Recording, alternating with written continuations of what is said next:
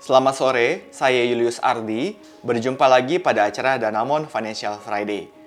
Kebijakan stimulus yang dilakukan oleh pemerintah dan bank sentral untuk meredam laju perlambatan ekonomi telah mendorong pasar saham memasuki rezim imbal hasil dan volatilitas yang rendah. Keberhasilan uji coba vaksin, walaupun baru di tahap awal, telah membuat pasar saham lebih optimis di tengah semakin meningkatnya kasus penyebaran COVID-19.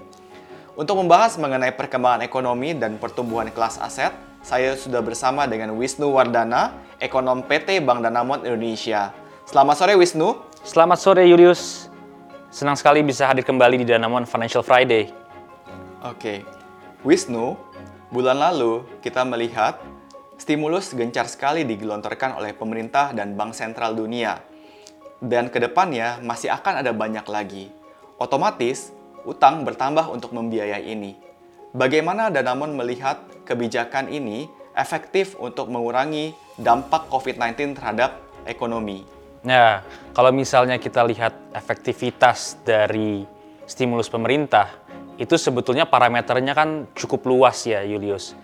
Jadi kita tidak bisa hanya melihat dari satu pihak saja. Contohnya nih, misalnya, kita tidak bisa bilang bahwa stimulus pemerintah itu tidak efektif ketika nanti pertumbuhan di tahun 2020 ternyata negatif. Padahal kita juga bisa bilang bahwa kalau tidak ada stimulus dari pemerintah, pertumbuhan negatifnya bisa lebih dalam lagi. Oke. Wisnu, bulan ini juga merupakan bulan yang cukup ramai dengan rilis data perusahaan. Setelah Indonesia dikonfirmasi memasuki fase resesi, di mana pertumbuhan ekonomi negatif di dua kuartal berturut-turut, kuartal 1 dan kuartal 2 2020. Bagaimana Danamon menilai ketahanan perusahaan Indonesia, terutama perbankan yang menjadi tulang punggung ekonomi? Karena di satu sisi, semakin marak perusahaan yang mengajukan restrukturisasi kredit. Nah, kalau dari sisi perbankan, faktor utama yang perlu diperhatikan adalah likuiditas. Kita sementara sudah melihat selama tiga bulan terakhir, likuiditas di sektor perbankan semakin baik, yang berarti bisa menopang perbankan sebagai tulang punggung perekonomian nasional. Nah, terkait restrukturisasi, data OJK menunjukkan bahwa selama kuartal kedua tahun 2020, perbankan telah melakukan restrukturisasi sebesar 30% untuk segmen UMKM dan konsumen. Yang itu adalah restrukturisasi dilakukan di tahap pertama.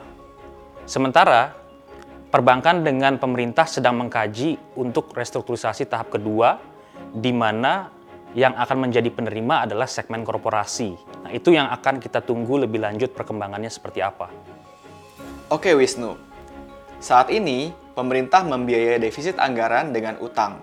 Setelah Bank Indonesia dan pemerintah menyetujui skema burden sharing penerbitan obligasi, apakah Danamon melihat bahwa imbal hasil obligasi akan semakin rendah Bagaimana juga prediksi mengenai suku bunga dan nilai tukar rupiah?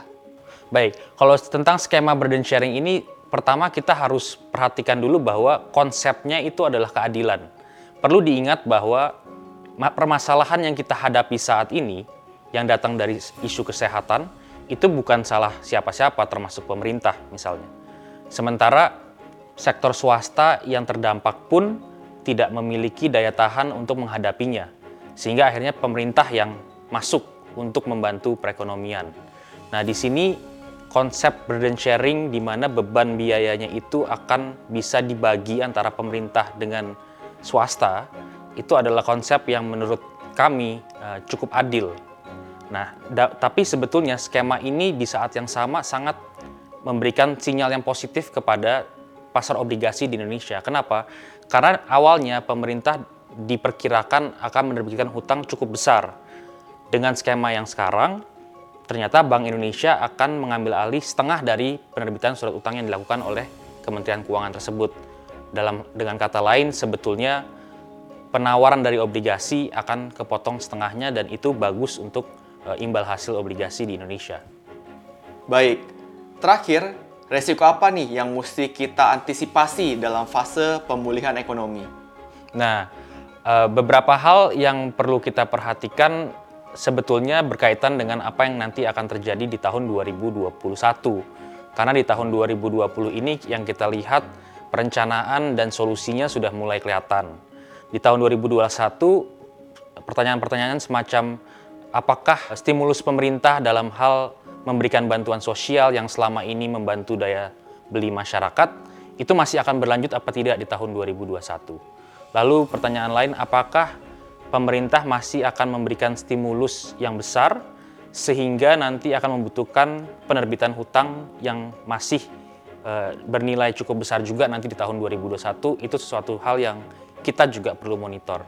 Tapi yang paling penting menurut hemat kami adalah kita perlu memonitor apakah nanti pemerintah memberikan stimulus yang jauh berlebih daripada yang dibutuhkan. Karena kami dan pasar memiliki pandangan bahwa kondisi saat ini pemerintah sudah memberikan stimulus yang cukup apabila nanti diberikan terlalu banyak dosisnya juga mungkin tidak akan baik untuk perekonomian kita. Oke. Baik Wisnu, terima kasih atas ulasannya hari ini. Semoga bermanfaat bagi pertumbuhan portofolio investasi kita. Terima kasih Julius. Semoga apa yang kita diskusikan hari ini bisa membawa manfaat dan berkah untuk kita semua. Terima kasih kembali. Saya Julius Ardi, sampai berjumpa di acara Danamon Financial Friday minggu depan.